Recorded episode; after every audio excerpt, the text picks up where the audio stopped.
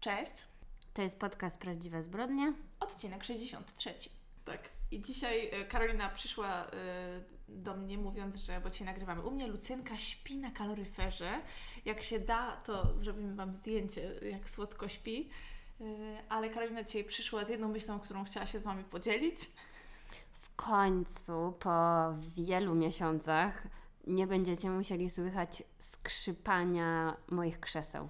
Chociaż, no wiesz, no ja uważam, że to jest taka nieodłączna część naszego podcastu. Nie, ale no, ja przyznam, że jeżeli ja nie montuję tego odcinka, to wolę po prostu nie słuchać, bo te skrzypienia i to sapanie mojego psa jest dla mnie tak irytujące, że ja naprawdę współczuję ludziom, którzy tego słuchają. Sapa niebieska mm, przeszkadza mi wcale, tylko mnie śmieszy, jak jego e, picie wody zagłusza, jak No. mówię.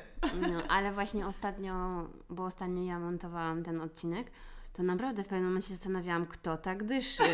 Są takie momenty czasami, że takie nie wiem, co, co się dzieje. Znowu podejrzewasz mnie. Czy to, ale to naprawdę, ale to jest dziwne, że mój pies na drugim końcu pokoju sobie leży i on sapie i to do tego mikrofonu dochodzi, Mhm. więc no. Tak, to prawda. Także dzisiaj takich efektów dźwiękowych nie będzie. Lucyna póki co siedzi cicho. Jest, no powiedzmy, że słodka, jak ktoś lubi koty. No wiesz co. Nie słuchajcie, Karolina dzisiaj przyszła. Pierwsze co zrobiła, to się przykład przywitała z Lucyną, także nie ze mną. No, powiedziałam tylko cześć, więc bez przesad. Dobra. I co jeszcze chciałam powiedzieć w związku z tym? Musiałam przyjść z moją teczuszką y, na mikrofon. Ustawiłyśmy mikrofon na, na komputerze Karoliny, więc mam nadzieję, że nic tutaj się nie spsuje w międzyczasie.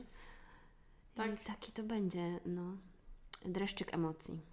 Tak, ja trzymam kciuki, żeby mój komputer stanął na wysokości zadania, chociaż nie jest zły, więc, więc myślę, że będzie dobrze. Nie no, nie mówię, że jest gorszy od mojego. Mój to jest wrak komputera. Ale wiadomo, że y, ogólnie technologia lubi robić tak, żeby było ci pod górkę zawsze. dokładnie. Także no.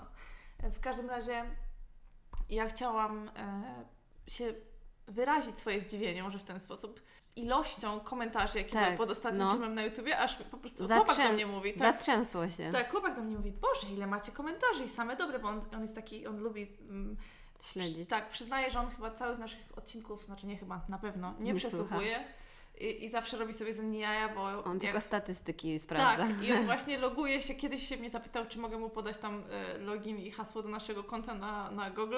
Ja mówię, ale po co ci to? I patrzę, on przegląda statystyki. Także taki ana- analityk nasz prawie. Mm.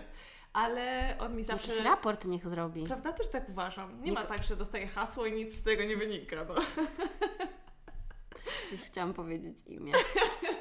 No, w każdym razie, ale robi sobie zawsze ten sam żart, mianowicie jak ja przychodzę z nagrywania u Ciebie, bo zazwyczaj nagrywamy u Karoliny e, i mu mówię, o czym gadałyśmy, co on to mówi, przestań mi psuć, przecież będę, wiesz, Nie spoiluj. tak. I potem mi tak nigdy nie przysłuchuje całego odcinka. Pozdrawiam go, bo i tak nie będzie tego słyszał. także- Pozdrawiam. No, w każdym razie ilość tych komentarzy, bo od tego zaczęłam, jest szokująca. Tak, i właśnie ja też mówiłam to mojemu chłopakowi, Boże, co się stało? Tyle tych komentarzy. I sprawdzam potem pod innymi filmami i jest jeden filmik chyba, przy którym mamy 60 komentarzy, ale jeżeli dobrze pamiętam, to w nim połowa to jest kłótnia jakichś dwóch osób, co się nie powinno liczyć. Tak, w ogóle... Pff, A tutaj nawet ani się nikt nie kłócił ze sobą. Wszyscy mieli nam coś do powiedzenia. Mhm. Jakieś świetne rady dotyczące planowania Twojego ślubu. Tak, w ogóle pozdrawiam słuchaczkę, która napisała esej, można by powiedzieć, y, na temat planowania ślubu przez kogoś, kto niby nie miał w sobie takiego marzenia. No, E, Także przeczytam na pewno z uwagą, tak, tak tylko pobieżnie to było przejrzałam. naprawdę dobre. I też mi się strasznie śmiać chciało, jak wszyscy pisali, no dygresja spoko, ale na cały odcinek to nie. I wiesz co, ja nie mogę się z Wami nie zgodzić, No. kochani. Gdyby to była taka, dygre- gdyby to był odcinek cały na jakiś jeden konkretny temat, myślę, że to by było fajne, a że to było takie skakanie... Opowiadamy traumy z dzieciństwa przez godzinę. Pomysł na Halloween. Tak, może tak być. I w ogóle my pijemy dzisiaj herbatkę i kawkę, bo jest y, godzina prawie pierwsza w niedzielę, a powinnyśmy otwierać szampana, bo stuknęło nam 3000 na YouTubie. Boże, to, ale to szło tak jak krew z nosa, no. że myślę, że nie ma co świętować. Właśnie dlatego się śmieję, ale z drugiej strony potem od tego momentu, jak to, to ten, to, to trzy razy trzy razy takim tempem zaczęło nam y, przybywać. Ale wiesz, to są takie fale. Może to wszystko dzięki naszym publikacjom medialnym. Czy ty kupiłaś gazetę Press? Mam ją w koszyku. Tak mi się umiera, umierałam ze śmiechu, jak ty mi napisałaś, ile to kosztuje, dlatego że ja kilka dni wcześniej wrzuciłam to do koszyka w Empiku, yy, na stronie Empiku, bo też można kupić tą gazetę. Yy, I jak chciałam już. No. No właśnie, i tak, tak się cały czas zastanawiam, ale myślę, że muszę ją po prostu kupić, żeby mieć na pamiątkę. No, no nie, no bo ja właśnie byłam tam w centrum handlowym. Zaczęłam dotykać tą gazetę, tak myślę, 29 zł tylko po to, że tam jest nasz obrazek tak naprawdę. Nie ma ani słowem wspomniane no. o nazwie naszego podcastu, w ogóle nic. I, Na obrazku jest nazwa. No, tylko tyle. I potem rozmawiałam z mamą, pokazuję jej to zdjęcie, bo zrobiłam jak tak najgorsza po prostu osoba, zrobiłam tylko zdjęcie i wyszłam ze sklepu. Mama mówi, nie no weź, kup, kup, bo jak nie chcesz, to ja Ci dam pieniądze, kup coś tam. Ja mówię, nie no dobra, bez przesady. I potem akurat z moim tatą, mój tato po prostu jest bohater tego podcastu tak. bez kitu, więc pozdrawiam. Pozdrawiam. I właśnie z tatą w tym centrum handlowym byłam i mówię, a chodź do Empiku, pokażę Ci coś, nie? Mhm. Jestem sławna. I mówię, ale ja tego nie kupuję, wiesz, wychodzimy. A mój tato, no coś Ty, dawaj, bierzemy to. Czyli twój tata jest e, e, bardzo kochany, no super. No ogólnie po prostu wychodzi na to, że my jesteśmy skąpe yy, tak. dziewczyny, no ale tak wyszło. I jeszcze nie wiem, czy widziałaś wspaniałą publikację na fejkowym y, dzienniku Aż Dziennik. Nie. Nie widziałaś tego? Nie, A to ja Ci teraz pokażę. Bo już parę osób nam to wysyłało na Instagramie. Ja w ten tydzień byłam jakaś zupełnie odłączona od życia. Aż dziennik. Mhm. Policja ostrzega. Do 2025 roku zabraknie zbrodni dla wszystkich podcastów kryminalnych. I tutaj y, artykuł jest. I tak, to wyraźny sygnał alarmowy dla kryminatorium prawdziwych zbrodni śledztwa pisma na, na, na, na i właściwie wymienili wszystkie podcasty, więc w mhm. sumie to miło z ich strony. Mhm. Albo pewnie po prostu weszli na e, Spotify podcasty kryminalne i wymienili wszystkie tam e, 10. No i parę osób właśnie nam to wysłało, co też jest dość zabawne, bo faktycznie jakby jest takie zatrzęsienie tych wszystkich podcastów tak, ja mam napady y, lękowe, już y, to mówiłam Karolinie ostatnio przy okazji sprawy, którą przygotowałam, a potem się okazało, że ona już tak jak mówię, ja staram się, już mówiłam chyba w przeszłości, że staram się nie słuchać tych innych podcastów kryminalnych polskich, od kiedy nagrywamy, żeby nie robić, żeby przez przypadek nie robić jakichś kalek, wiadomo, że to się czasami zdarza. Skądś trzeba czerpać inspirację, no ale zazwyczaj coś tam mi się gdzieś rzuci w oczy, albo coś mi się przypomni i tak dalej. I właśnie przygotowywałam historię, przygotowywałam, naoglądałam się jakichś tam 50 godzin dokumentu, bo to była taka dosyć duża sprawa. Nie będę mówić jaka, bo może jednak jeszcze kiedyś się y, zbiorę i o niej powiem. I potem patrzę, że ona już została opowiedziana i mówię, o nie, o nie, o nie, trzeba szybko szukać czegoś innego. I po prostu cała zlana potem y, musiałam szybko zacząć y, oglądać kolejne 3 godziny dokumentów na temat czegoś innego. Więc to jest, to jest no, trochę problem. No. Nie, no oczywiście nie zabraknie nigdy. Niestety. Niestety. No. Dla wszystkich się coś znajdzie. Fajnie, bo widać, że jest duże zainteresowanie mhm. po prostu tą tematyką. I coś jeszcze z ogłoszeń parafialnych mamy do powiedzenia? Chyba nie. No dobra, to co? Myślę, że powoli możemy przechodzić do rzeczy, bo już gadamy do Was o niczym. minut. tak, dokładnie. E, dzisiaj pierwsza jestem ja. Sprawdziłam tak, zawczasu. Ja też, no. E, I ja Ci opowiem historię, no smutną jak wszystkie, wiadomo, ale o, o takiej bardzo znanej w Wielkiej Brytanii pani. E, pani nazywa się Jill Dando. Dando. tak. E, I to była brytyjska dziennikarka, która pracowała w oczywiście jedynej telewizji Wielkiej Brytanii, czyli BBC. I ona urodziła się w 61 i była bardzo popularna, powoli pieła się gdzieś tam po, po szczeblach y, kariery w telewizji. Mm, I nawet w pewnym momencie została chyba tam wybrana osobowością roku e, w BBC właśnie i prowadziła najróżniejsze programy, ale w telewizji to y, taką miarą sukcesu jest to, że czytasz wieczorne wiadomości. Ponoć. Nie wiem, czy to jest prawda, ale y, w każdym razie, że, że to miało być właśnie tak pokazywać, że, że ta kariera jej dobrze poszła i gdzieś tam jej brat się wypowiadał, że ona od najmłodszych lat bardzo chciała w telewizji pracować i to swoje marzenie spełniła. I prowadziła najróżniejsze programy, bo właśnie prowadziła to, to wydanie wiadomości, również y, prowadziła taki program o wakacjach i to ponoć było właśnie też jej marzenie, że mówiła, że ale by było kiedyś super prowadzić taki program właśnie, że podróżuje w różne miejsca i to się jej udało. Y, ona bodaj, nie wiem czy ona nie zaczyna od jakiegoś programu śniadaniowego bodajże i potem właśnie się udało prowadzić te wiadomości i dostała ten e, program o, o wakacyjny.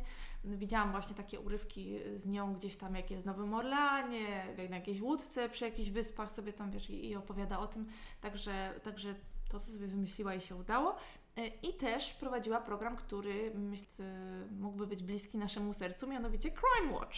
Mm. A, okej, okay, to tak. znam ten tytuł. Tak, i właśnie jeden z. Wydaje mi się, że nawet, no przynajmniej ja korzystałam kilka razy z niego mm -hmm. jako ze źródła, nie? No, ja e, no właśnie. I zresztą jest mnóstwo tych odcinków w internecie. W każdym razie, jeden z jakby jej współprowadzący z tego programu z Crime Watch Wspominał, że jak ona, ona oczywiście była zawsze bardzo ładnie ubrana, lubiła dobrze wyglądać, ale ponoć była bardzo sympatyczna, bardzo miła i wszyscy, ponoć, ponoć, bo że znowu to słowo wróciło yy, i sprawiała bardzo dobre wrażenie. Nie, nie znalazłam, bo tak jak zawsze w takich sytuacjach jest, że zawsze znajdzie się gdzieś tam ktoś, kto mówił, że o, nie była taka miła, była wredna, no i mm, ten jej współprowadzący mówił, że ona oczywiście zawsze jak e, prowadzili to Crime Watch, to Lucyna przyszła wąchać mikrofon, ciekawe, że to będzie słychać. Jak prowadzili to Crime Watch, to ona zawsze była na planie w wysokich obcasach, a jak stała w tych wysokich obcasach, e, jak kończyli już program, to była wyższa od niego. Więc jak zaczęli nagrywać te programy, to ona, jak podchodziła do niego, po cichutku ściągała buty e. i wiesz, i wtedy byli jakby tego samego wzrostu, nie? Także to jest taka, taka ciekawostka. Jill e, nie miała dzieci ani rodziny, oczywiście, znaczy miała rodzinę, brata, ojca, tak, jakieś tam kuzynki, ale no, nigdy nie założyła swojej rodziny. Natomiast e, teraz cofamy się do 1997 roku, kiedy była w związku z ginekologiem, pan się nazywał Alan Farthing, Farthing, jakoś coś takiego. E, no i oni byli razem, mieli w ogóle wziąć ślub, z tego co pamiętam, e, właśnie w tym roku 99. I tego ranka właśnie Jill wróciła do domu od e, tego swojego narzeczonego. Wracała, może powiem. I jej sąsiadka, idąc ulicą, jak ona to opowiadała, zobaczyła i szła sobie ulicą jak to zwykle. To było jakoś tam po godzinie 11. Karina się śmieje, bo ja pokazuję, jak szła ulicą. To są kalambury, nie podcast. Tak. Szkoda, że tego nie widzicie, no. E, no i szła i zobaczyła właśnie, że stoi auto tej Jill i tak spojrzała w kierunku wejścia do jej domu i zobaczyła, że ktoś w drzwiach, czy też przy drzwiach leży na ziemi. No więc podbiegła tam, od razu e, zadzwoniła na policję. W ogóle jest taki dokument e, zrobiony przez BBC w 2019 roku, 20 lat po, po śmierci tej Jill, gdzie puszczają nawet jej, jej um, telefon na, te, na numer alarmowy. I mhm. połączenie na numer alarmowy. Wydaje mi się, że to jest prawdziwe, bo, bo jest taki głos i tam mówi, że Boże, że ona chyba nie oddycha, że, jest, że krew jej leci z nosa, że ma jakieś tam takie, wiesz, już niebieskie ręce. Osoba, która z nią rozmawiała przez ten telefon, tam próbowała zapytać, czy się tam jej rusza klatka piersiowa. Ta kobieta sprawdziła, powiedziała, Jezus, nie, ona chyba nie żyje. No i oczywiście przyjechało zaraz pogotowie i ją zabrało, chyba jeszcze tam myśleli, że, że coś się uda tutaj, jakoś się jej uda pomóc. E, natomiast po przywiezieniu jej do szpitala, tam kilka minut po godzinie e, pierwszej, uznano ją za zmarłą. Mhm. E, no i jak oczywiście policja udała się na to miejsce wydarzeń, nie wiedzieli jeszcze, wiedzieli prawdopodobnie kto został zabity, ale nie zostało to potwierdzone i tożsamość nie została potwierdzona. W końcu oczywiście to zrobiono udali się y, na miejsce zbrodni. Tam niestety ratownicy, no próbując y, tą kobietę zabrać do karetki, troszeczkę zadeptali to miejsce, no ale co mieli zrobić? No, w mm. pierwszej kolejności próbują ratować ludzkie życie, prawda? I co znaleźli na miejscu zdarzenia, to była łuska y, po, po, po, po strzale. Tak, dokładnie. Ludzie, którzy dokonywali ekspertyzy, stwierdzili, że ten pocisk pochodził z broni automatycznej tam o 9 mm kalibrze i że mm, ta broń jakby została przyłożona do jej skroni w chwili strzału. Natomiast w ogóle na początku było tyle krwi, że ciężko było im stwierdzić, jak ona została zabita w ogóle. No. Czyli taki um, asasin. Y. Dokładnie, dokładnie. No i właśnie. Y, tutaj zaczyna się śledztwo, które było dosyć y, skomplikowane, dlatego że po pierwsze, ta ulica, która nazywała się Gowan Avenue, to była normalna taka ulica w zachodnim Londynie, gdzie no jednak sporo ludzi przechodziło. To był środek dnia, było jasno. Aha.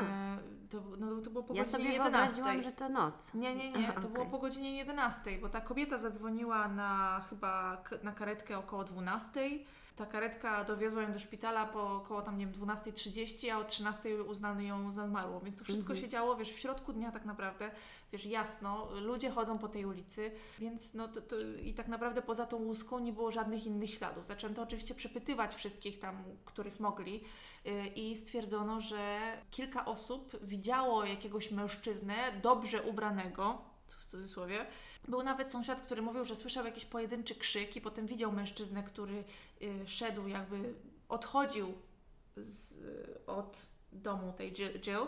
Natomiast no, nie słyszał strzału i no, równie dobrze, wiesz, nie wiem, Jill mogła się ucieszyć na jakiegoś znajomego, tak na dobrą. No, jak słyszysz głośny dźwięk, to od razu nie lecisz tam z bronią i nie mhm. dzwonisz na policję, prawda? No, nawet pewnie u Ciebie w bloku czasami ludzie mają po prostu awantury i to nie oznacza, że... O, ostatnio. tak? Ostatnio, bo u mnie, dobra, dygresja minutowa, mhm. u mnie słychać przez jakby wyciąg w kuchni mhm. głosy z, z góry prawdopodobnie. Ponoć u nas też tak jest, no. tylko że no ja, no. No, mhm. no i ostatnio y, sobie jest cichy jakiś tam, nie wiem, poranek to chyba było mhm. jakoś tak właśnie w środku dnia. I nagle słyszę, jak, jak dziewczyna z chłopakiem się kłócą i mówią, jak Ci się nie podoba, to się pakuj!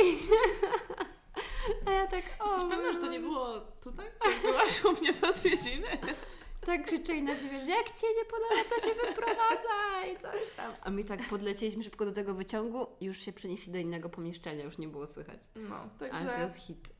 Y, oczywiście była to sprawa y, taka dosyć y, głośna i nagłaśniana przez media, no bo jakby na to nie patrzeć, bardzo popularna dziennikarka została zabita, więc ludzie bardzo ją lubili i chcieli się dowiedzieć, co się tutaj wydarzyło. Pojawiło się bardzo różnych, bardzo dużo różnych teorii, bardzo dużo różnych jakichś takich wskazówek czy informacji, informacji policja dostawała. Tutaj znajdowałam różne dane co do ilości tych informacji, ale w jednym miejscu znalazłam informację, że przesłuchali tam 700 osób i dostali 7 tysięcy jakiejś informacji, wiesz, mhm. telefonicznie, faksowo, e-mailowo. Jeszcze gdzieś indziej znalazłam, że przy, przysłuchali ponad 2000 osób i ileś tam tych wskazówek dostali, więc y, było tego naprawdę, naprawdę dużo i, i rozważali w ogóle tutaj, Twoje skojarzenie było bardzo trafne, to z tym, że to był taki profesjonalny strzelec. Dokładnie, I, bo taką teorię też rozważano, że to y, było zabójstwo na zlecenie po no, prostu. No, no. Bo po pierwsze, chociaż dużo rzeczy się tutaj nie zgadzało, po zbadaniu tej łuski okazało się, że na niej były takie rowki, sześć rowków było tak wyrytych, co wskazywało na to, że ktoś coś z tym nabojem mógł robić. Może na przykład dawali tam jakiś y, inny ten, ten środek do tego naboju, żeby tak nie było słychać tego wystrzału. No dużo różnych było rzeczy, które mogło mm -hmm. się wydarzyć. Tak czy inaczej ktoś, kto wiedział, co robi. Tak, ktoś, kto wiedział, co robi, natomiast no, było to ewidentnie robione przez kogoś, to nie było fabryczne, prawda, oto nabój, proszę bardzo, one z, same z siebie takich tych rowków, takich wgłębień nie miały, to ktoś zrobił.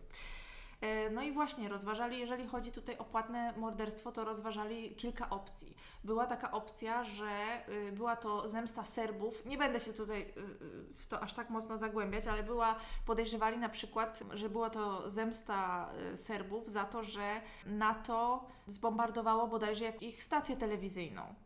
Mhm.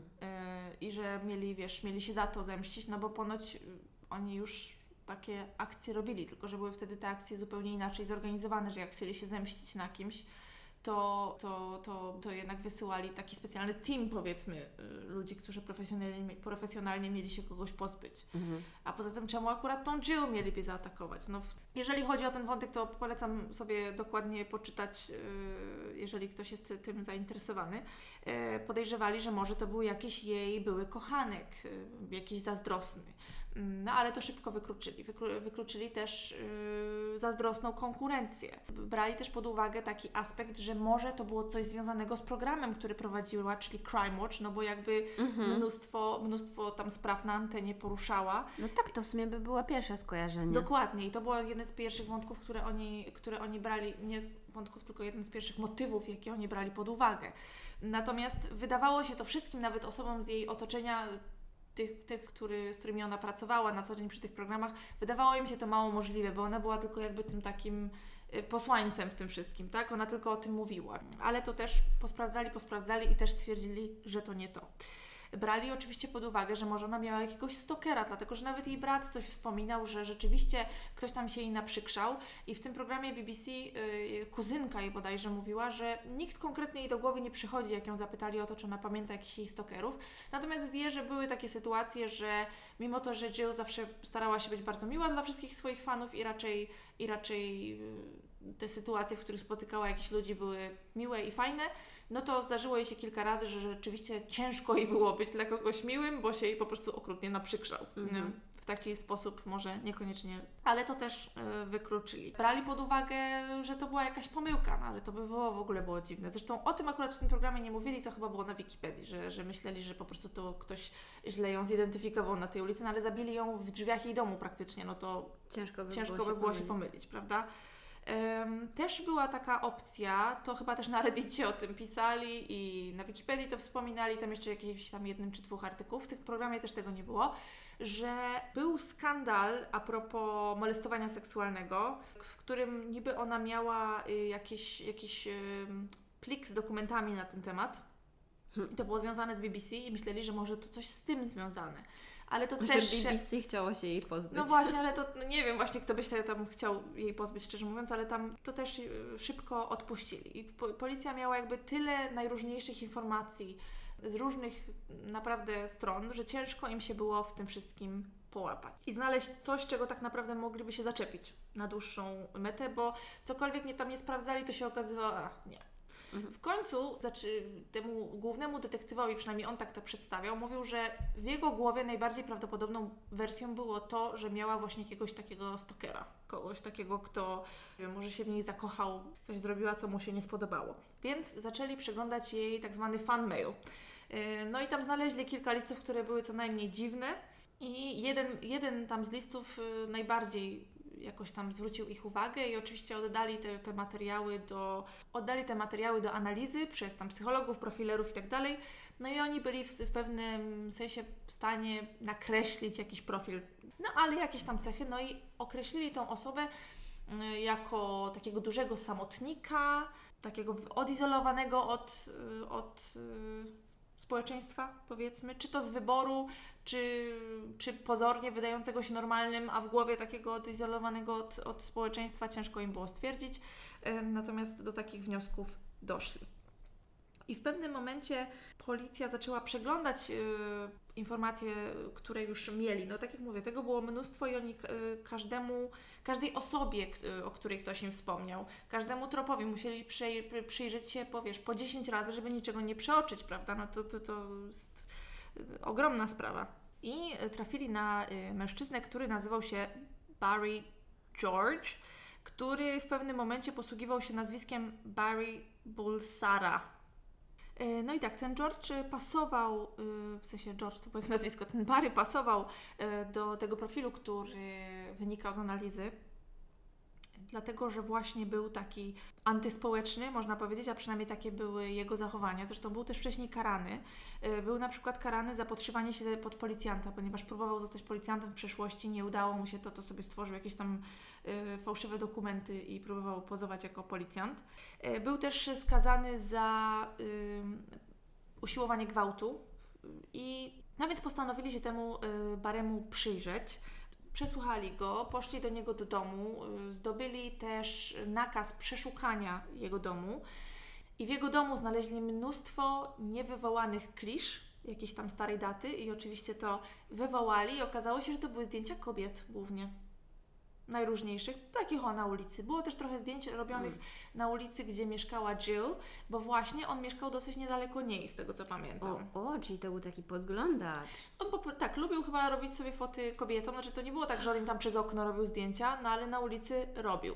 Znaleziono też notatki na temat y, osób, y, zwłaszcza kobiet mieszkających w jego okolicy. Mm. Jak to mówił ten detektyw prowadzący tą sprawę, znaleziono jakieś wiesz, numery rejestracyjne samochodów, y, adresy z imionami kobiet, które tam mieszkały. No takie już rzeczy, które normalny człowiek w swoim domu nie ma.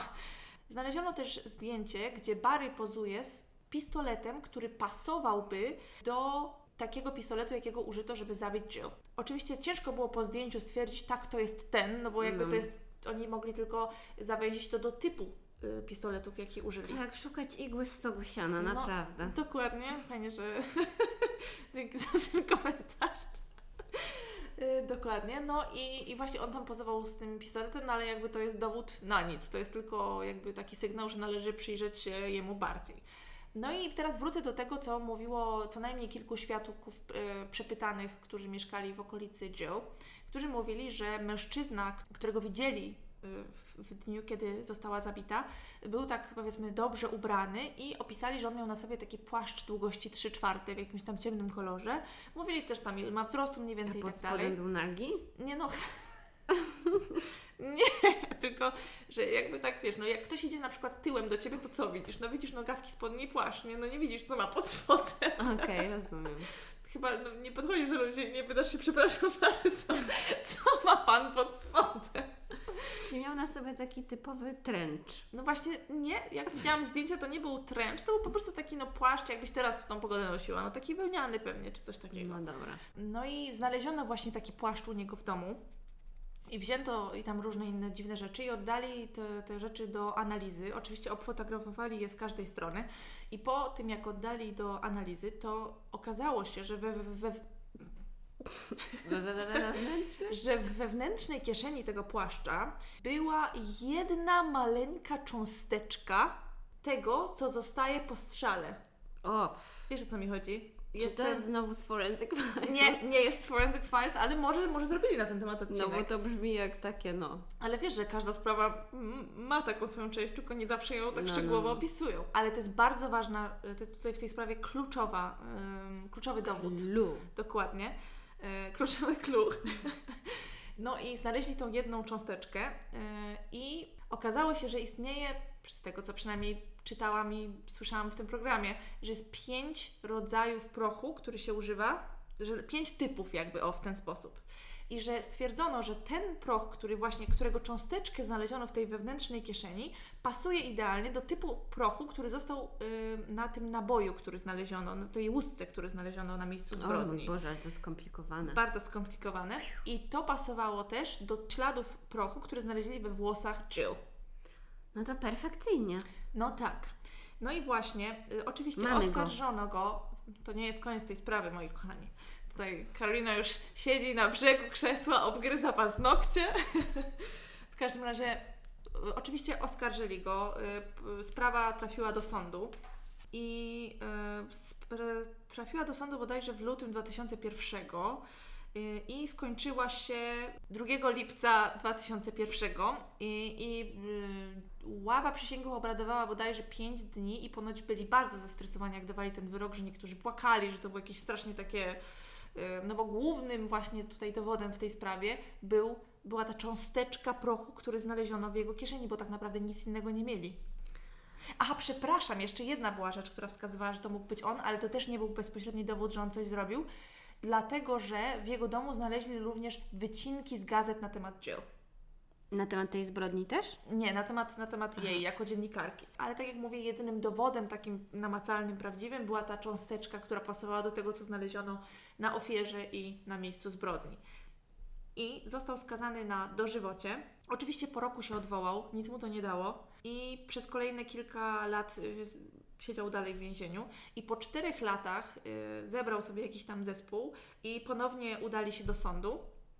To było w bodajże 2006 roku. Tak, to by się spinało. Rok i potem tak.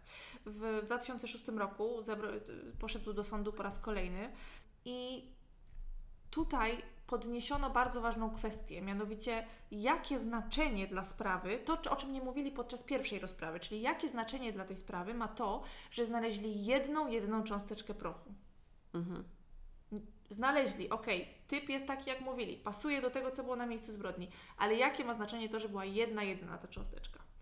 No i niestety tutaj eksperci stwierdzili, bo były też wtedy jakieś zmiany w sztuce y, tych ludzi, którzy się zajmowali właśnie ekspertyzą tych prochów broni i tak dalej.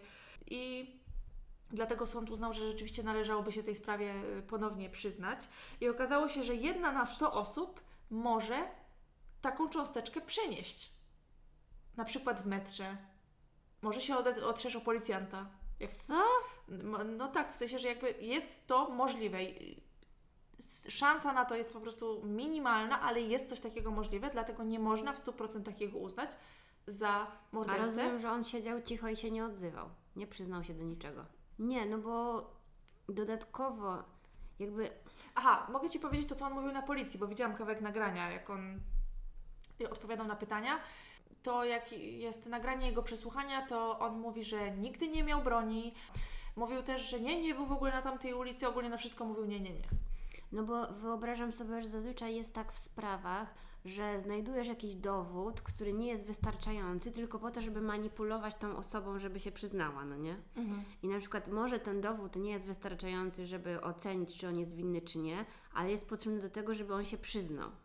Czyli nie, nie zmanipulowali nim nie, tak, on, żeby on, on w ogóle się zachwiał. Tak, chociaż coś takiego pamiętam z tego programu BBC, że ten policjant powiedział, że ten typ trochę zmienił śpiewkę, jak była trochę różnica pomiędzy tym, co on mówił, zanim trafił na komisariat. No, no, no. Ale że to, to, też nie było tak, że wcześniej mówił, tak, zrobiłem to, a potem zaczął mówić, nie, ja nic, jak zaczęli to nagrywać, tylko po prostu, że tam chyba gdzie indziej trochę był niż wcześniej mówił, takie jakieś tam niuanse ponoć były. W każdym razie po 8 latach e, pobytu w więzieniu, 1 sierpnia 2008 roku został oczyszczony z zarzutów i wypuszczony na wolność. I co ciekawe, w tym programie BBC wypowiada się współprowadzący Crime Watch tej Jill, wypowiada się jej kuzynka, wypowiada się jej brat, wypowiada się właśnie ten główny detektyw i wiele innych osób, które gdzieś tam e, z tą sprawą było związanych. I większość z nich mówi, że oni myślą, że to wcale nie, mu nie musiał być on. E, dlatego, że ten Barry w ogóle miał. E, ogólnie stwierdzono u niego jakieś takie e, trudności w radzeniu sobie z emocjami i miał też jakieś takie behawioralne problemy. I nie miał żadnego specjalnego wykształcenia. W ogóle przez jakiś czas pracował jako posłaniec dla BBC, tak swoją drogą. I ogólnie bardzo się interesował Dianą i wiesz, takimi jakimiś znanymi tymi, ale chyba po prostu to też chodziło głównie o kobiety. Mm.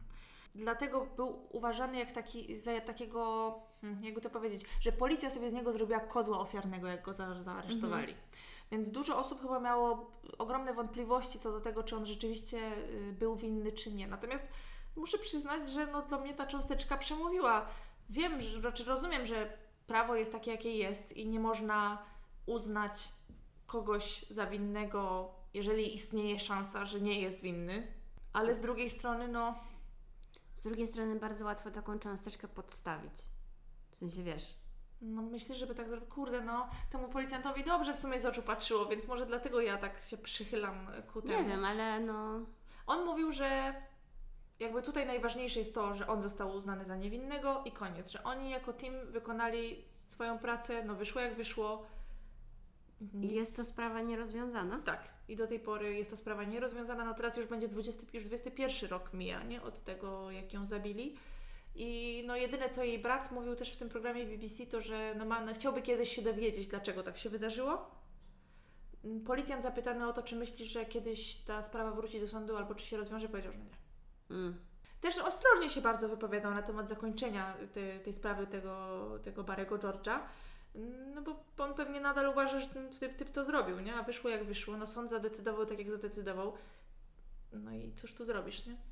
No jego historia y, rzeczywiście wskazywała na to, że y, był skłonny do jakichś dziwnych y, zachowań. I właśnie też jak, jak prowadzono śledztwo na początku, zastanawia- rozważali właśnie, że albo to musiało być super zaplanowane, dlatego brali pod uwagę to, to płatne morderstwo, bo kto by się odważył ktoś przy zdrowych zmysłach, kto by się odważył? No, w biały, Biały dzień to dzień. tylko profesjonalista. Dokładnie, albo wariat. No. Ktoś, kto po prostu ma obsesję albo coś nie tak y, z głową. Więc jedno, wariat, bardzo profesjonalne określenie. Albo ktoś z problemami jakimiś psychicznymi. Więc no, jedno albo drugie. Mm. Także tak. Y, Jak chcecie wiedzieć więcej na temat tych teorii spiskowych, to można sobie to zgooglać. Nawet na Wikipedii tam są chyba rozpisane od myślników, z tego co pamiętam. I cóż, i chyba tyle. Okej. No, to teraz Twoja historia. Chyba będzie jakaś bardzo ciekawa i z wieloma, z wieloma szczegółami. Nie, znaczy nie wiem. Ale właśnie miałam problem, bo chciałam to na początku powiedzieć, ale stwierdziłam, że nie, już zachowam to na teraz. Jak mówiłaś o tym, że tam sprawdzałaś historię i potem okazało się, że ktoś coś o tym zrobił, coś tam to. Ja nie wiem dlaczego nie słyszałam jeszcze o tej historii, więc trafiłam na nią przez przypadek, ale brzmiała tak strasznie znajomo, że zaczęłam szukać, czy już gdzieś jej nie było, bo tak, no, zresztą zobaczycie o co chodzi. W każdym razie brzmiała tak znajomo, po czym okazało się, że w tym podcaście, który zawsze słucham, wiadomo, to jest y, też sprawa, która dzieje się na pewnej wyspie, tylko że to się wydarzyło w latach 30., a moja sprawa się dzieje w latach 70., więc to nie jest to samo, więc już tak myślę, dobra, czyli znowu nie zgapiłam i jest wszystko w porządku.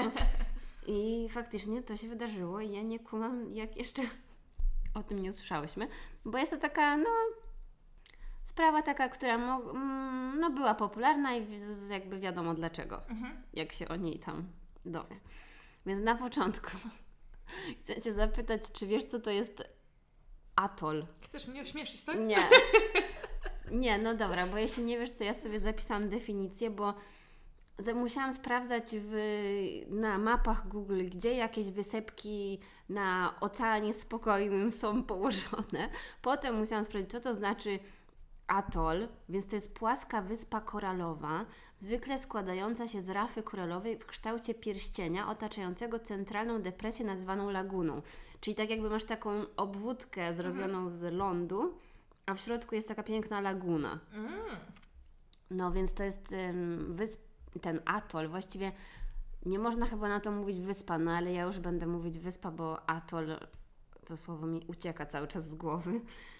Yy, więc ten atol, na którym rozgrywa się cała akcja, nazywa się Palm, Palmyra. Mhm. Znaczy po, po polsku domyślam się, że mówi się to Palmira, więc przy, przyjmijmy, że to jest poprawna nazwa. I to jest właśnie niewielki atol północnej części Oceanu Spokojnego na południe od Hawajów i to jest mm, y, powiedzmy, że w połowie drogi między Hawajami a wyspą Samoa. Mhm. Czyli to jest no tam w stronę Australii. Właściwie to już jest. Tak naprawdę to jest pomiędzy tym elementem tam, gdzie są Stany Zjednoczone, a Australią. Mhm. I tam jest bardzo dużo takich maciupeńkich wysepek. I jak się okaz dowiedziałam podczas y, czytania na temat tej sprawy, Researchu. podczas y, researchu, to jakby, jakby to powiedzieć, żeby nie zabrzmieć na debilkę. No, ludzie, wyobraź sobie, że ludzie się interesują żeglarstwem Mhm. i żeglują po Tak, oceanie. znam nawet taką osobę, no. No więc ja nie znam się za bardzo na żeglarstwie, więc ogólnie mogę popełnić tutaj dużo błędów. W każdym razie nie od dziś wiadomo i już w latach 70. również i pewnie wcześniej też, ludzie sobie między tymi różnymi malutkimi wysepkami krążyli, żeby spędzić miło czas, Ma to sens. pozwiedzać naturę, odciąć się od świata i żyć na takim bezludziu. Mhm. I co jeszcze chciałam powiedzieć? Aha, ta Palmyra, Palmira składa się z około 50 koralowych wysepek o łącznej powierzchni 12 km2, więc jest turbo malutka. No. I jest pokryta powiedzmy lasami palmowymi, Mhm. więc właściwie jedyna tam roślinność jaka jest to są te palmy. I co jeszcze na Wikipedii napisali, że długość linii brzegowej wynosi 14,5 km. Więc bardzo malutka wyspa. Mhm. Widzę to oczami wyobraźni, musi być tam bardzo pięknie. No i głównie to taka, wiesz, błękitna laguna. Mhm. No i właśnie jest przystankiem dla żeglarzy, którzy podróżują y, między Hawajami a tą Samoą, ale raczej nie da się tam żyć, no bo właśnie przez to, że tego lądu jest mało, to... Aha, i w ogóle tam są rekiny. No w sumie w oceanie są rekiny. Jakoś ciężko mi sobie też to wyobrazić, że wchodzisz do wody i nagle tam jest rekin. W ogóle jakaś masakra, no nie? No. No właśnie, Karolina obczaja teraz zdjęcia, no to było Jezus to uznawane za taki raj. No. No. raj. Dlaczego wszyscy chcieli się tam zatrzymać na tej swojej drodze, na tej żegludze? No wygląda naprawdę... Bajecznie. Mhm. Ale właśnie ciężko by było tam z życiem, bo no właśnie są te rekiny. Większość podobno tam złowionych ryb nie nadaje się do jedzenia. Też w sumie nie wiem, bo na rybach też się nie znam, ale tak napisali, więc ufam, że to prawda. A jeżeli jest jakieś pożywienie, no to zostaje zjedzone przez jakieś tam kraby, Mhm. że kraby e, kradną też e, pożywienie tam. Czyli byłaby konkurencja dla ludzi. Mhm. Y, No i właśnie są te palmy kokosowe, ale no wiadomo, że z samych kokosów też nie da się wyżyć. Więc osoby, które miałyby zamiar się tam zatrzymać na dłużej, na pewno musiałyby mieć własne pożywienie, no nie? Mhm. No i tak właśnie znajdujemy się w dniu 2 lipca 74 roku. Małżeństwo Mac Graham, który miał 43 lata i jego żona Move, ona się nazywa jakoś inaczej, ale mówi na nią Move. Bardzo dziwne przezwisko. Ona miała lat 40. Przypływają właśnie na tą Palmirę z San Diego. Mają wypasiony żaglowiec, który nazywał się, znaczy typ tej łódki nazywa się Catch. Musiałam sobie to sprawdzić, więc piszą, że to jest e, taki, no żaglowiec dwumasztowy. Cokolwiek to oznacza, Mhm. no. Ten ich żaglowiec nazywał się Sea Wind i oni byli bardzo zamożni. Są właśnie w trakcie swojego rejsu po Oceanie Spokojnym i mieli w planach zatrzymać się na tej ym, bajecznej wysepce na w ogóle rok. Mhm. Więc mieli naprawdę duże zapasy i mieli tak naprawdę wszystko, co byłoby do tego potrzebne, bo ta ich, ym, ten ich żaglowiec był bardzo dobrze wyposażony. Tam na tej, to się nazywa tam kajuta, tak, czy Mhm. coś tam na dole. Mieli oczywiście tam łóżka, kanapę, wiesz, lodówkę, kuchenkę, łazienkę, wszystko. No to był taki naprawdę wypasiony. Czyli to dom był taki... No, że mieli tam po prostu wszystko, żeby sobie komfortowo y, żeglować przez rok albo Mhm. i nawet więcej. Mm, No i oni też są doświadczonymi żeglarzami, bo gdzieś wyczytałam, że żeglowali dookoła świata podczas swojej podróży poślubnej, ale właśnie nie rozumiem, czy to jest ta ich podróż poślubna, czy to się wydarzyło wcześniej. W każdym razie, no, już podróżowali w dalekie miejsca na tej swojej łodzi. Czyli połączyła ich pasja, można by powiedzieć. E, tak, no i właśnie ten mężczyzna Mac e, samodzielnie tą swoją łódź odpicował i ona była taka bardzo charakterystyczna, bardzo piękna. Wszyscy mówili, że ta łódź jest taka super piękna, no nie? Że wyremontował tam wnętrze tej kabiny, że z zewnątrz też ona była taka odpicowana, więc było widać, że podróżują w takim ekskluzywnym stylu.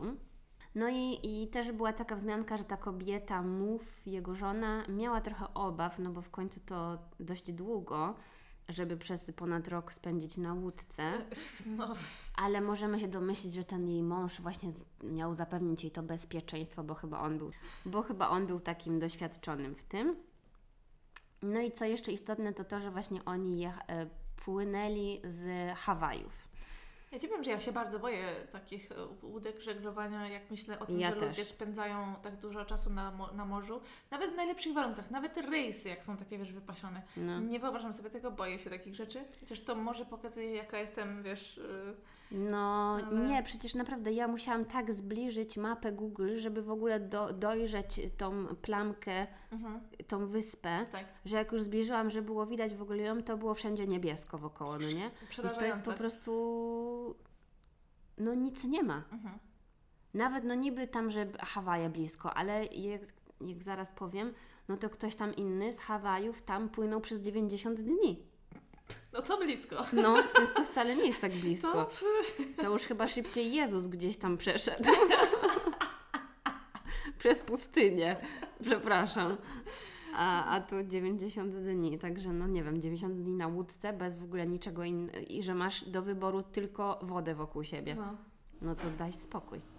No więc tak jak mówiłam, oni na tą Palmirę przypłynęli z Hawajów i na Hawajach zaprzyjaźnili się tam z mężczyzną, który nazywał się Kurt Shoemaker. Świetne nazwisko. Fajne, no. I tam się jakoś zakumplowali, oni mu opowiedzieli o tych swoich planach, że chcą na tą wyspę piękną y, popłynąć że tam spędzić rok, coś tam, coś tam. No i tak naprawdę potrzebowali kontaktu ze światem, więc umówili się, że będą się z tym ym, shoemakerem kontaktować raz w tygodniu przez radio i że ten Kurt będzie odbierać ich pocztę i czytać im listy przez radio i tak dalej, no bo przynajmniej na Hawajach jest poczta, a na takiej bezludnej wyspie wiadomo, że nic Mhm. nie ma. Mm, No i w końcu dobili na ten atol i myśleli, że nikogo tam nie będzie, no i zdziwko, bo przywitała ich gromadka ludzi. O! Mm. no i tam było taka grupa osób, ale mm, nazwiska, które są dla nas najistotniejsze, tam, tam, tam, to jest ym, Roy Allen i Stephanie Stearns. To była też parka. I na początku wszyscy starali się utrzymywać takie przyjazne stosunki, ale tak naprawdę wszyscy z nich też mieli nadzieję, y, płynąc na tą wyspę, że ona będzie pusta i tylko dla nich, no nie? A okazało A się, że nie. Że tak naprawdę to jest taki. A to y, jeszcze była romantyczna wycieczka. Mhm. I tak naprawdę okazało się, że to jest przystanek na trasie, bo jednak to jest jakby bardzo długa trasa, więc y, kto może, to się tam zatrzymuje po drodze. I zabaw- właśnie to jest zabawne, że nikt nie miał dobrych informacji. Wszyscy myśleli, pewnie znaleźli zdjęcia w jakiejś książce, encyklopedii, myśleli, o tak, tam popłyniemy, to będzie nasz raj. Po Ach, czym, to są okaz- lata 70. Tak, A, no. Boże, dobra, no. po czym okazuje się, że wszyscy tak pomyśleli. Widocznie żeglarstwo to dość popularne zajęcie, zwłaszcza dla jakichś bogatych Amerykanów, y, którzy sobie lubią pływać. Więc tak, podsumowując, wszyscy się zdziwili, że nie są sami na wyspie, tylko że mają towarzystwo. No i ci państwo Grahamowie, oni byli y, najlepiej zaopatrzeni ze wszystkich na wyspie, więc tam okazjonalnie zapraszali do siebie na jakieś drineczki, na jakieś przekąski i tak dalej. No bo ogólnie byli tacy mili, zresztą wszyscy chcieli zwiedzić tą ich łódź, bo nikt takiej wypasionej łodzi nie miał. Ale właśnie problem był z tą parą, y, której wymieniłam imiona, więc ten Roy i Stephanie. Ona, ta dziewczyna miała niby jakoś tam 28 lat, a ten mężczyzna około 36. I oni no, mieli dość sporo problemów, bo właśnie to oni y, z Hawajów przypłynęli na tą wyspę przez 90 dni i mieli taką łódkę, która nazywała się Iola. I ta łódka była w tragicznym stanie, bo oni ją kupili za jak czy tam wyremontowali ogólnie bardzo mm, po kosztach, więc gdzieś tam mówili, a to są nieistotne szczegóły, w każdym razie, że ta łódka była drewniana, a oni ją tak jakby obkleili jakimś takim metalem, no nie? Że to była taka prowizorka totalna, że silnik im w połowie drogi zamarzł, że zaczęło im przeciekać ta łódka, bo zrobiły się jakieś pęknięcia, więc oni tak naprawdę ledwo, ledwo dotarli em, na tą... Jezu, ale to trzeba mieć naprawdę chyba nerwy ze stali, żeby wymyślić sobie taką podróż, nie? Albo być głupi. Albo być debilem, no. No. No i ten, aha, i co jeszcze ciekawe, to ten Roy, on miał na swoim przedramieniu wytatuowane imię, czy tam słowo Buck, ale jak ktoś tam go zapytał, mm, mówi, że nazywasz się Roy, a masz wytatuowane Buck na ramieniu, a oni mówili, że a to takie moje przezwisko, no nie? Typ wytatuował sobie swoje własne przezwisko na ramieniu? No, chyba. Okej, to musiał być niezły narcyz. Mhm. No i przez to, że im ta łódka przeciekała i w ogóle, no to oni jakby musieli się wszystkiego też pozbyć, nie mieli w ogóle zapasów, więc tak naprawdę wszystkie swoje jakieś tam cenne rzeczy, które mieli, to z tymi ludźmi na wyspie powymieniali za jakieś tam pożywienie i ogólnie nie byli za bardzo przygotowani na to, e, żeby przeżyć na wyspie, chociaż mieli taki plan, To Ale nie cud, byli że przygotowani. Oni spotkali tam innych ludzi. No, więc na przykład tak, on y, łowił ryby w tym oceanie w taki sposób, że do nich strzelał z broni. Albo jak kiedyś chciał y, kokosy zerwać z tej palmy, no to tą palmę ściął taką piłą y, mechaniczną. No debil. Ale nie miał sprzętu odpowiedniego, ale miał piłę ze sobą? No, Taka scenka została odegrana w programie amerykańskim, tym takim dokumentalnym FBI Files. Nie Mhm. wiem, czy to podkręcili, czy nie. W każdym razie była tam taka scenka, że on y, ma tą piłę mechaniczną i ścina palmę. Aha, no i jakie były ich plany? Oni dlatego się znaleźli, znaczy wła- właściwie nie, nie wiemy dlaczego się znaleźli na tej Palmirze, ale wiemy jakie mieli plany. Otóż chcieli z- wyhodować tam marihuanę i żeby ta plantacja marihuany, nie wiem czy znaleźli sobie, że to są odpowiednie warunki atmosferyczne, no w sumie wątpię. I Nie wiem, nie, nigdy nie miałam, więc y, plantacji marihuany, więc ciężko mi powiedzieć. No. No, w każdym razie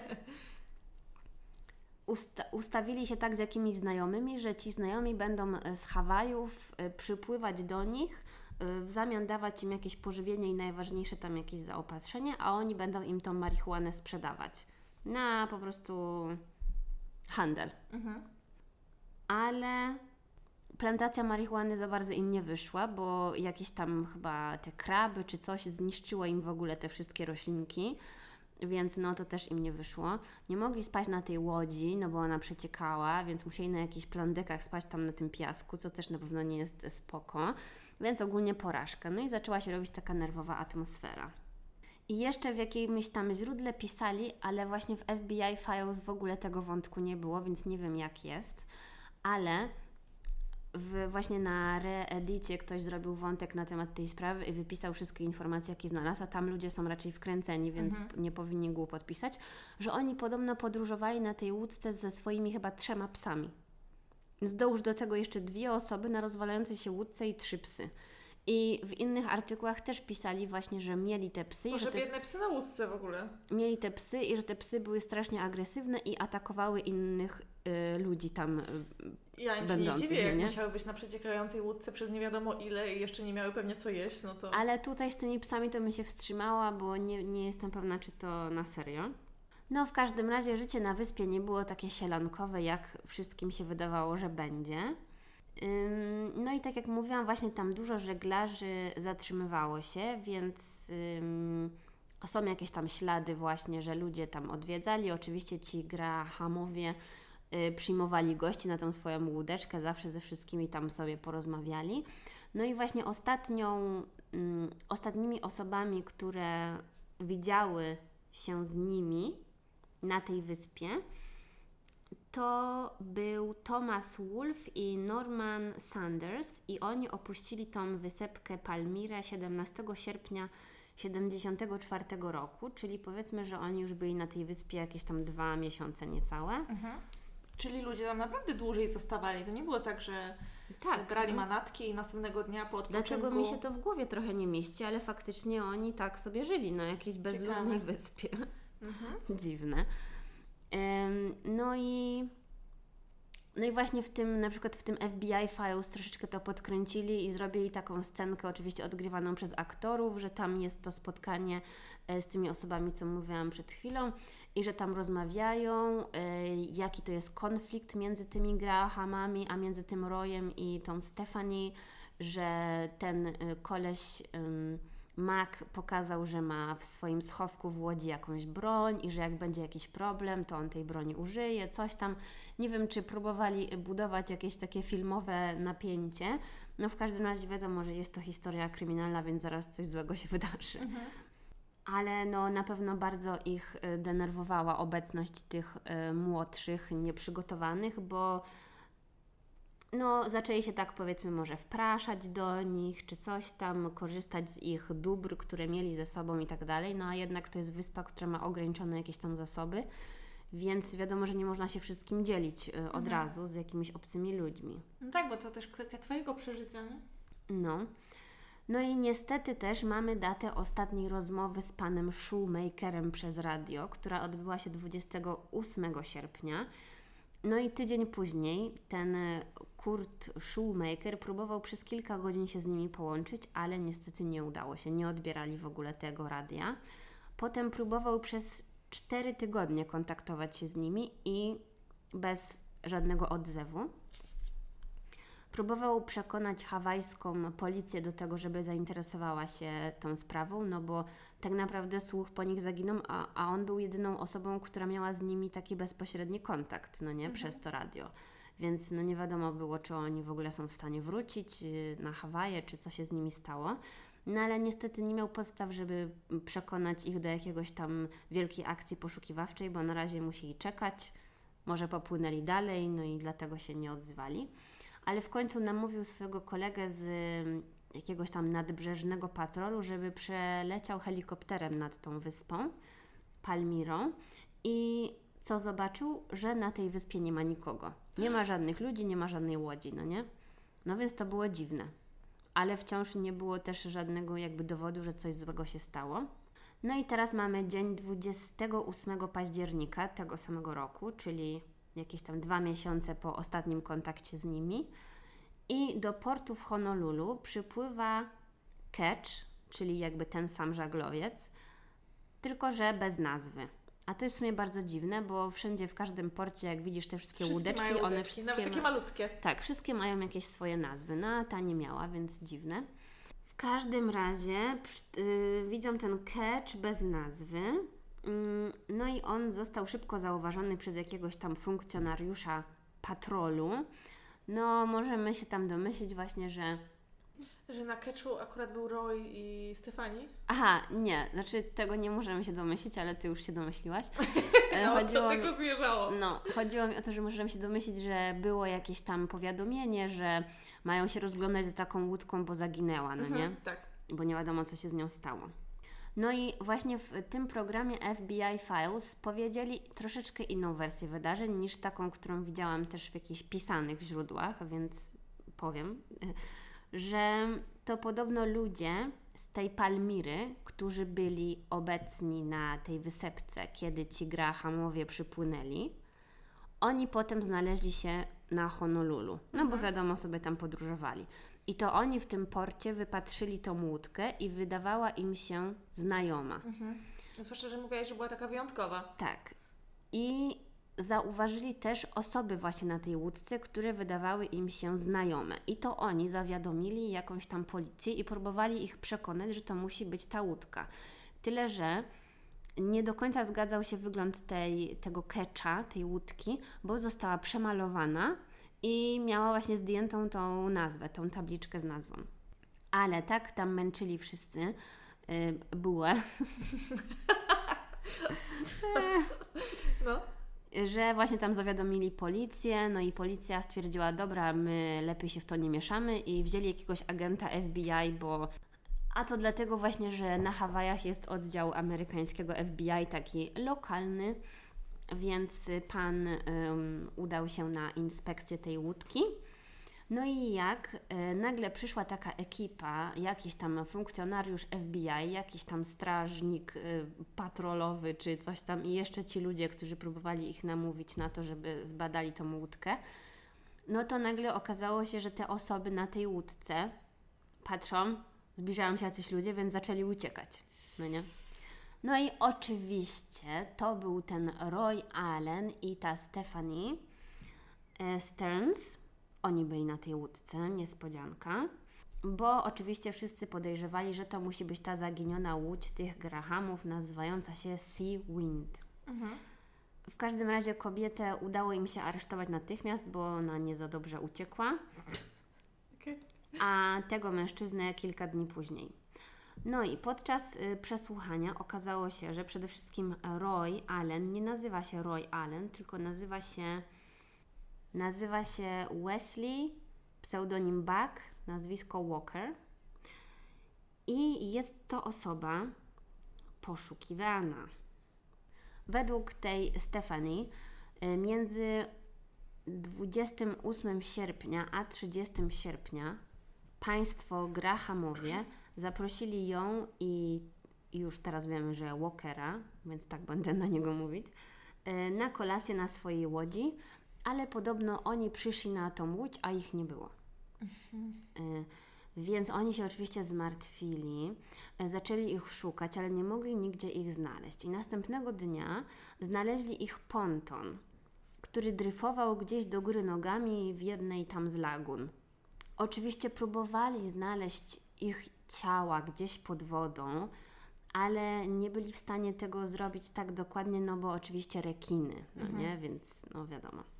I niby kręcili się tam do 11 września, y, po czym próbowali się jakby z tej wyspy wydostać, ale niestety ich łódeczka, ta Ajola, Mhm. no nie przetrwała tej podróży, bo gdzieś tam im się w ogóle zatopiła.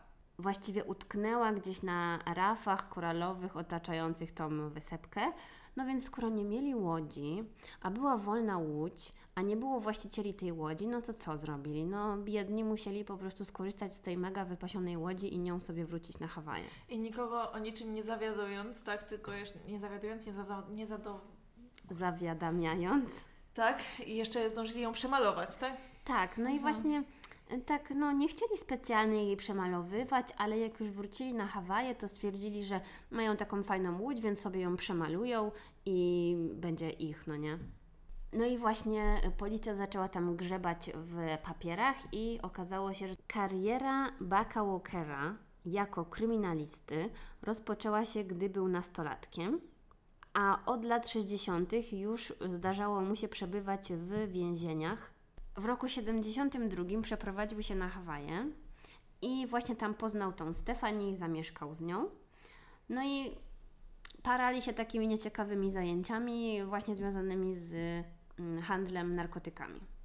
No i przez to w roku 73 e, by- była jakaś zorganizowana akcja właściwie na niego i jacyś y, policjanci występujący pod przykrywką ym, aresztowali go gdzieś tam na jakimś parkingu e, po tym, jak on sprzedał im narkotyki, Mhm. jakąś tam dużą ilość amfetaminy. E, No więc jak sprzedał dużą ilość amfetaminy policjantom, no to wiadomo, że już mogli go zgarnąć. Więc przyznał się do winy, no i mm, został wsadzony do aresztu, ale wyszedł za kaucją.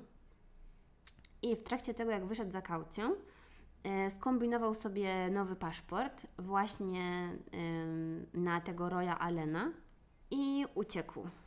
E, Razem z tą Stefani przeprowadzili się na Maui, czyli na inną wysepkę. E, Ona tam pracowała w barze, a on e, wtedy właśnie zajmował się odnowieniem tej łódki. No i z tego Maui e, ruszyli na tą Palmirę. Więc on wtedy właśnie dlatego ruszyli na tą Palmirę, bo on tak naprawdę był zbiegiem, powiedzmy, no nie? Że dopóki nie ruszyli się dalej poza Hawaje, no to w każdej chwili mogła go policja złapać, no bo wiedzieli jak, jak wygląda. No a jeżeli chodzi o tych państwa Grahamów, którzy zaginęli, to oni, tak jak mówiłam, ym, oni się zatrzymali na Hawajach wcześniej, zrobili takie super zapasy, też ruszyli na tą Palmirę, no i wszyscy razem spotkali się na tej wysepce. No i wtedy, kiedy policja złapała tą Stefanię i tego Baka, y, mogli skazać ich tylko za kradzież jachtu, niestety. Mhm. Y, I ta dziewczyna dostała dwa lata, a y, ten Bak dostał 10 lat. A bo jeszcze poprzednia kara. Tak, plus jeszcze właśnie parę lat za te zarzuty związane z narkotykami. No i to dalej nie jest koniec, bo ten e, Bak uciekł z więzienia w 79 roku. Masakra. Nie mógł odsiedzieć tego i potem żyć jak człowiek? No nie. Uciekł z więzienia, bo ono było pod jakimś takim małym nadzorem, czy tam słabym nadzorem, nie wiem jak to tam się mówi. E, No i niestety nie mogli zostać oskarżeni o morderstwo, no bo nie było ciał, nie było żadnych dowodów, poza tym, że przywłaszczyli sobie łódkę, no nie? No ale mamy rok 81, czyli tam już jakieś 7 lat po całym zdarzeniu. I w styczniu 81 roku mamy kolejnych y, żeglarzy, którzy znajdują się na tej Palmirze. Mhm. I kobieta, która nazywała się Sharon, poszła sobie na spacer wzdłuż plaży i nagle znalazła e, w jaki, jakieś tam aluminiowe e, pudełko, w którym znajdowały się ludzkie kości. I też tutaj źródła, się- źródła się różnią, bo niby gdzieś tam też w tym pudełku był albo zegarek, albo złoty ząb Mhm. ale chyba bardziej złoty ząb, bo potem to prowadzi do oczywiście badania zębów i No tak. co, co wskazało na to, kto to tak naprawdę był. Więc oni oczywiście powiadomili ym, tam policję, że znaleźli jakieś tam fragmenty kości. O, czyli jednak można się skontaktować z policją, jak coś się stanie. No proszę, no. No, mhm. no na pewno mieli radio i mogli tak. zawiadomić. No i właśnie tak jak mówiłam, e, te szczątki zostały poddane badaniom i tam musiały właśnie być te zęby, e, co FBI wiadomo dopasowało do tych dentystycznych dokumentów tak. E, tej kobiety, no kobiety, nie powiedziałam jeszcze, że to kobieta, potencjalnych ofiar. No i okazało się, że to jest ta pani Move Graham. Mhm. No i niestety Przepraszam, czyli y, ta Stefani, ten Roy, ale Bach, y, no. to byli debile, bo mogli przecież to włożyć, wrzucić do morza, znaczy do wody. Ale oni to chyba wrzucili do, do wody, ale. W pudełku? On...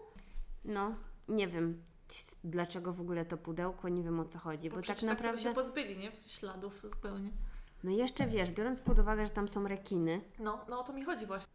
No nie wiem. Nie, no dla mnie naj, najprostszy sposób to po prostu rzucić to do wody, do reki. Ale właśnie, no może, może coś w tym jest, bo ciała tego Maka, czyli tego męża, nigdy nie odnaleziono. A, okej. Okay. Więc widocznie jego ciało zostało, no pewnie jakoś tam... Znaczy ja nie mówię bardzo dobrze, bo przynajmniej zostali ukarani za to, co zrobili, ale...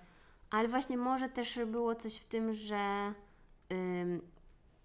bo tutaj właśnie są różne źródła, no ale jednak złoty ząb mhm. albo zegarek to są takie rzeczy, których może niekoniecznie chcesz się pozbyć, mhm. bo może mają jakąś wartość, a u nich było mega, mega krucho z pieniędzmi. Czyli jakby zachowali Więc to sobie. może o to chodzi, że chcieli jeszcze po to wrócić? Nie mam pojęcia. No i y, ludzie, którzy nad tą sprawą pracowali, y, sugerowali, że właśnie ta kobieta Maf została zabita a jej ciało zostało rozczłonkowane, następnie spalone jakąś pochodnią acetylenową, bardzo specyficzne okay. informacje, a jej ciało zostało następnie umieszczone w metalowej jakiejś tam skrzynce, czy nie wiem jak to nazwać.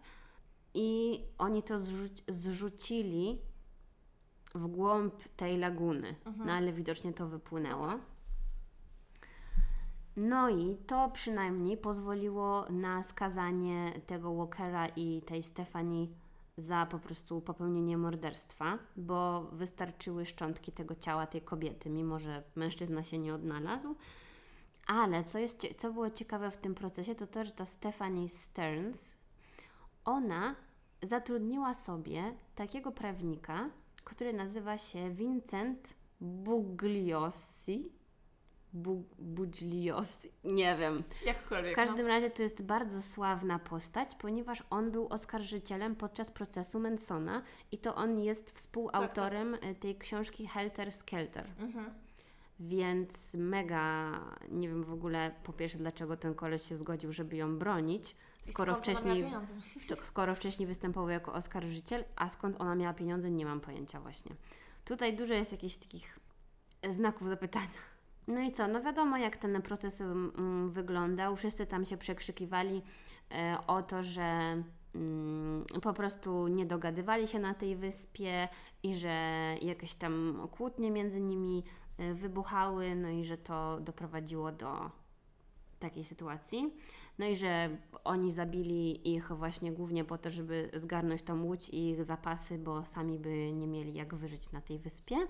No i oni to znaczy się ta Stephanie i Buck, no bardzo sobie nagrabili wcześniej, no bo oni byli przesłuchiwani już wielokrotnie wcześniej i kłamali. Mhm. Więc jak wyszły nowe fakty, no to jeszcze bardziej mogli pokazać, że oni są jakby winni, bo wcześniej tak kłamali, no nie?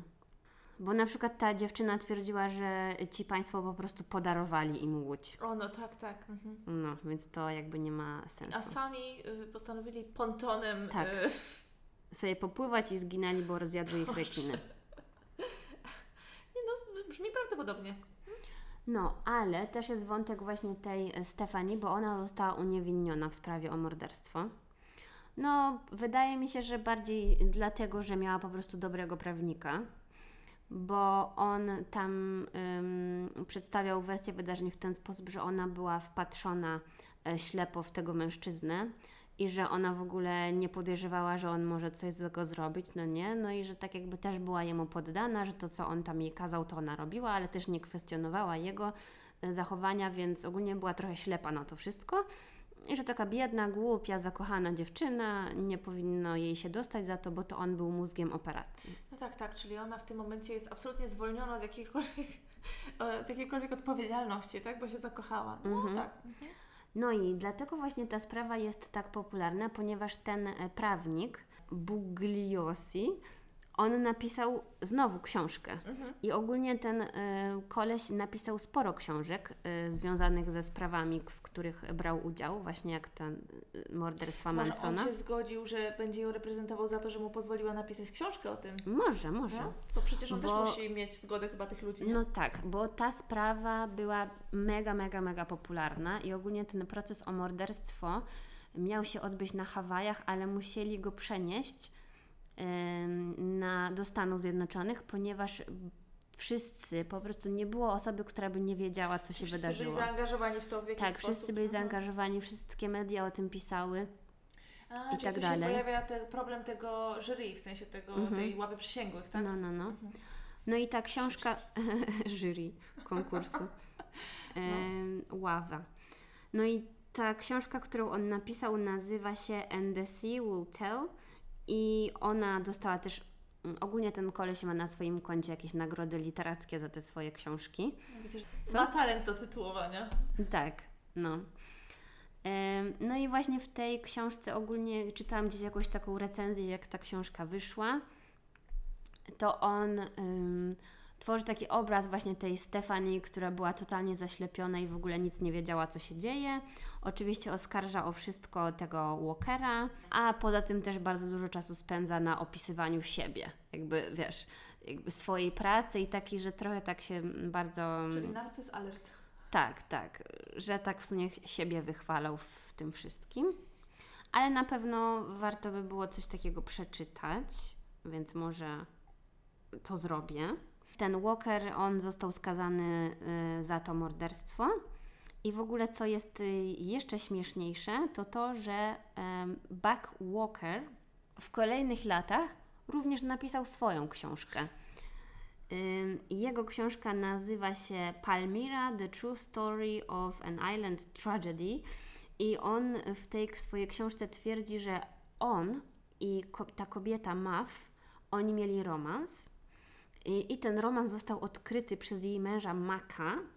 I Mac zabił Move e, we wściekłości, a następnie Walker zabił tego Maka e, jakby w odwecie, no nie? Czyli fikcję zaczął pisać. Y, No dokładnie, stał się takim Znaczy, pisarzem. sumie nie wiemy, ale no. I on też twierdzi, że po prostu nie powiedział tego nigdy w sądzie, bo nie chciał psuć y, takiego dobrego imienia tego małżeństwa Grahamów. Mm, No i ogólnie, że Mhm. dlatego tak mu nie wyszło w sądzie, bo po prostu miał niekompetentnego prawnika w przeciwieństwie do tej Stefanii. Jak tak myślę o tej osobie, e, o, o, o tym Roju, to rzeczywiście, czy też Baku, czy jakkolwiek on się nazywa, e, to rzeczywiście jego charakter brzmi, on brzmi na taką osobę, która bardzo przejmuje się e, innymi i na pewno nie chciał skalać imienia swojej kochanki, no. Tak, ale też co ciekawe, w tej swojej wersji wydarzeń nie napisał nic złego na temat tej Stefanii.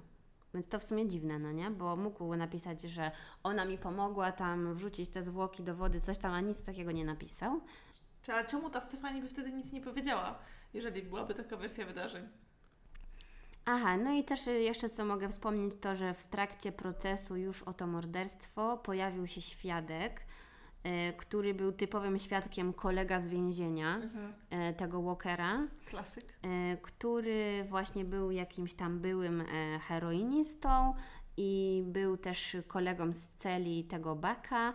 I oczywiście był w sądzie po to, żeby powiedzieć, że tak, on jak siedzieliśmy razem w celi, opowiadał mi o tym, jak zamordował i tego Maka, i tą Maf, nie? Mhm. No i no ja mówię taki typowy świadek, ale oni mieli jakieś tam niby swoje sposoby na to, żeby udowodnić, że on nie jest podstawiony i że faktycznie tak było i że już jest czysty, już nie bierze heroiny i że można go brać na poważnie, Mhm. no nie? Więc no, ten Buck Walker, on został zwolniony z więzienia w roku 2007, więc tak naprawdę stosunkowo niedługo w tym więzieniu siedział, jak za to morderstwo. I ogólnie żył w samotności. Jakiś czas chyba spędził mieszkając w motelu, a potem się przeprowadził do jakiejś takiej przyczepy na odludziu i zmarł w wieku 72 lat. Aha, i jeszcze zapomniałam dodać, że jego książka, którą wydał własnym sumptem, jak to się mówi, miała 895 stron. Matko święta, kto ma czas na czytanie czegoś No. takiego? Więc śmieszne. No i co jeszcze mogę powiedzieć? Aha, że ta e, książka tego prawnika Bugiliosiego, czy jakkolwiek to się mówi, ona została e, zrobiona na taki miniserial telewizyjny, który dlatego go właśnie nie obejrzałam, bo był za długi, ale no jak tam go znajdę w internecie, to mogę e, podlinkować, jak to się mówi w internecie, bo no, wszyscy, cała ta jego książka została odgrana przez więc dużo na ten temat jest. Brzmi bardzo ciekawie. No, taka wiesz, bezludna wyspa, błękitna laguna, Mhm. jakieś takie dziwne Jak scenariusz parki. do filmu. No, totalnie. Dlatego się zastanawiałam, czy to nie jest jakieś wymyślone, o co tu chodzi, ale nie. Także to tyle, co miałam Wam do powiedzenia. Mamy nadzieję, że historie Wam się podobały jak zwykle, dobrze się słuchało. Dziękujemy za wszystkie komentarze już zawczasu. Tak, dziękujemy i co? Do usłyszenia. Do usłyszenia za tydzień.